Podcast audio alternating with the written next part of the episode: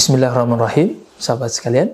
Ini ada pertanyaan yang masuk, uh, apakah ilmu wali itu dongeng dalam artian tidak mendasar? Baik, uh, sahabat sekalian, kita coba bantu menjawabnya. Sahabat sekalian yang dilakukan Allah, jadi uh, ini sangat keliru mengatakan atau menuduh bahwa ilmu yang disampaikan oleh para sufi atau para alim ulama yang uh, berkiblat kepada tasawuf di mana mereka menyampaikan ilmu-ilmu yang bersifat goib, kemudian dituduh dengan dongeng. Ya, ini sangat keji, tuduhan yang sangat keji dan tidak mendasar. Ya, orang yang menuduh begini ya tidak faham tentang hierarki ilmu, tingkatan-tingkatan ilmu, referensi ilmu. Ya, berarti dia nggak faham apa yang sedang dia komentari. Maka sahabat sekalian sedikit kita luruskan ya bahwa kita harus paham di hierarki tingkatan ilmu itu berbeda-beda dan perbedaan itu juga kemudian yang menjadikan hasil dari kajian itu juga berbeda. Artinya apa? Setiap uh, tingkatan ilmu ini punya referensi sumber sendiri sehingga menghasilkan jawaban dari kajian ilmu itu juga berbeda. Nah, maka kita akan jelaskan nih. Jadi tingkatan ilmu atau hierarki ilmu ada tiga. Yang pertama adalah ilmu akli. Ilmu yang referensi sumbernya berasal dari akal. Nah ini terbagi menjadi dua. Ada kajian dari segi pendekatan burhani, tanda-tanda, ada dari segi bayan, penjelasan. Nah ini kedua ini berasal atau bersumber di mana sumbernya satu, rasional. Ya. Misal, kita kasih contoh, uh, pendekatan burhani tadi, ya, tanda-tanda. Orang bisa mendapatkan ilmu dengan melihat tanda-tanda. Misalnya kita ingin menyimpulkan wujud eksistensi Allah bahwa di alam semesta ini atau alam semesta ini ya ada Tuhan yang bernama Allah itu yang menciptakan alam semesta. Bagaimana caranya? Maka kita kemudian menyusun ya dengan pendekatan tadi burhani ya kita melihat tanda-tanda bahwasanya alam semesta ini dan juga termasuk kita tadinya nggak ada Tadinya tidak ada, kemudian menjadi ada. Berarti ada dong yang mengadakan. Karena sesuatu yang tidak ada, yang mustahil ujuk-ujuk ada. Itu pasti mengalami proses. Ada proses yang mengadakan dia sehingga dia yang tadinya tidak ada menjadi ada. Nah ini ilmu akli namanya. Nah biasanya ya di dalam ilmu-ilmu syariat Islam, nah, misalnya berkiblat kepada ilmu akli ini fikih, ya, ilmu usul fikih, ilmu akidah juga termasuk karena itu menggunakan pendekatan akli. Nah, sehingga mengerucut menjadi kajian ilmu yang empiris dalam artian sesuatu yang bisa dilihat. Nah, ini namanya ilmu akli. Dan mohon maaf, menurut para ulama kita termasuk Imam Abdul Hamid Al-Ghazali, sahibul kitab uh, karya beliau adalah Ihya Ulumuddin, beliau mengatakan ini adalah tingkatan ilmu orang awam.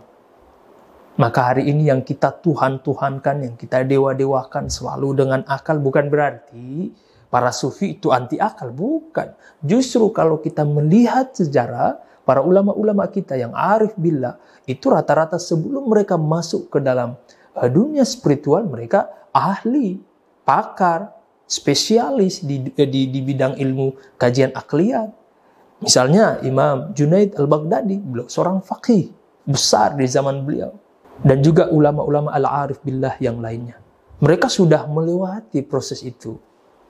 Ah, maka ilmu akli ya, menurut pemaparan para ulama kita al-arif billah di antaranya Imam Al-Ghazali ya, mainannya masih orang awam dan beliau termasuk hebat di dalam dunia akliyat tapi beliau dengan jujur mengakui bahwa ini masih tingkatan orang awam yang di mana hari ini terbalik kita dewa-dewakan, kita Tuhan-Tuhankan. Seolah itulah sumber yang paling utama di dalam mengkaji sebuah ilmu.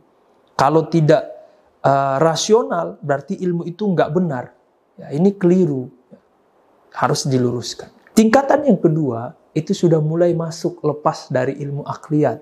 Sudah nggak ada uh, sangkut pautnya dengan akal. Karena rananya beda. Yaitu ilmu ahwal. Ilmu ahwal ini adalah ilmu kondisi kolbu. Lebih atau penekanannya lebih kepada zauki ya rasa.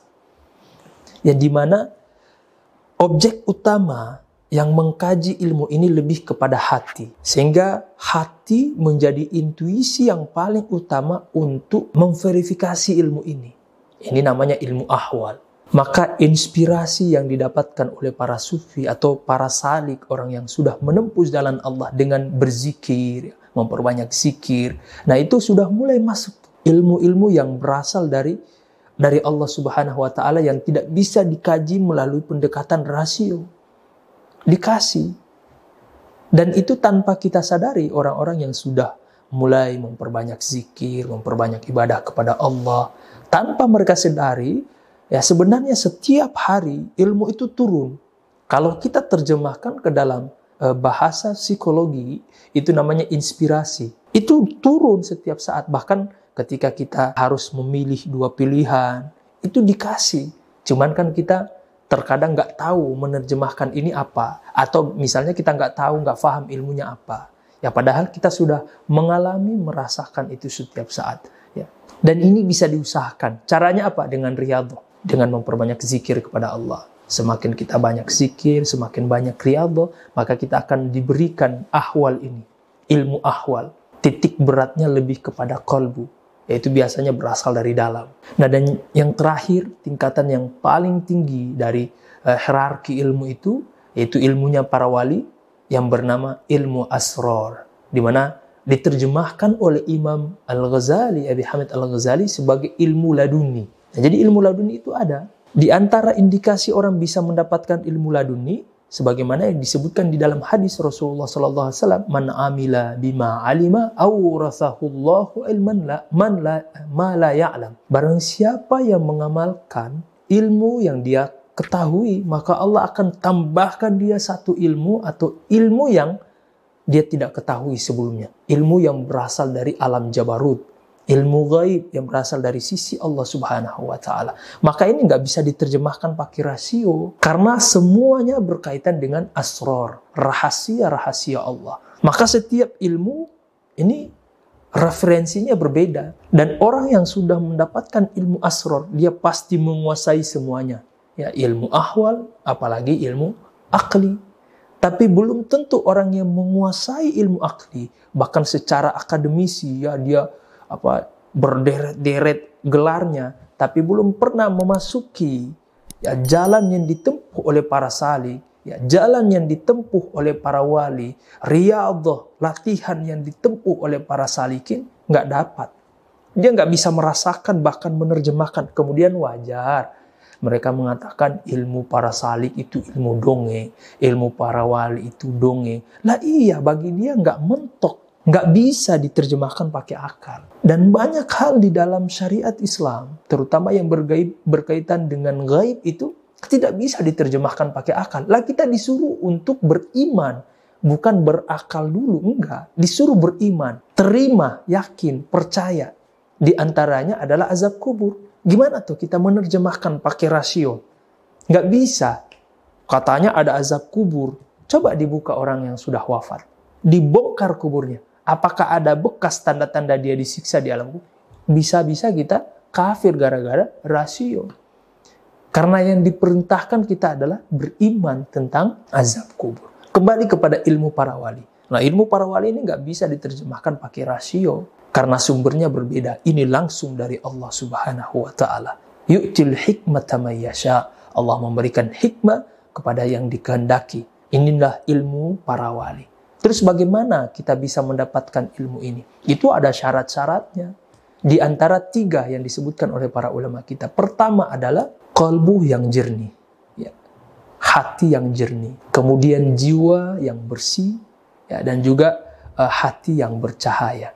Ya, ini salah satu di antara syarat-syarat yang harus kita penuhi untuk menerjemahkan atau untuk bisa mendapatkan bagian dari ilmu para wali ini tapi ini khusus ya.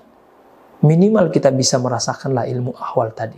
Ya. Tapi kalau ilmu asrar ini khusus Allah berikan kepada hamba-hamba khusus yang ia sayangi. Ya di antaranya kekasih-kekasih Allah dan ini nggak bisa diusahakan.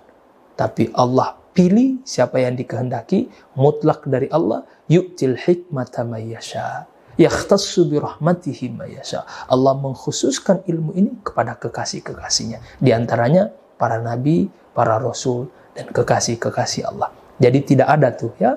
Dari sini kemudian kita menepis tidak ada ya.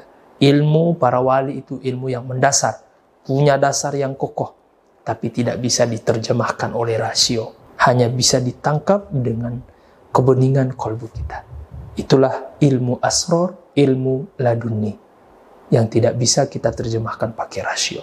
Tapi kita imani, kita percaya bahwa itu adalah bagian dari ilmu Allah yang begitu luas yang hanya Allah berikan kepada hamba-hamba kekasih-kekasihnya. Billahi taufiq wal hidayah. Assalamualaikum warahmatullahi wabarakatuh.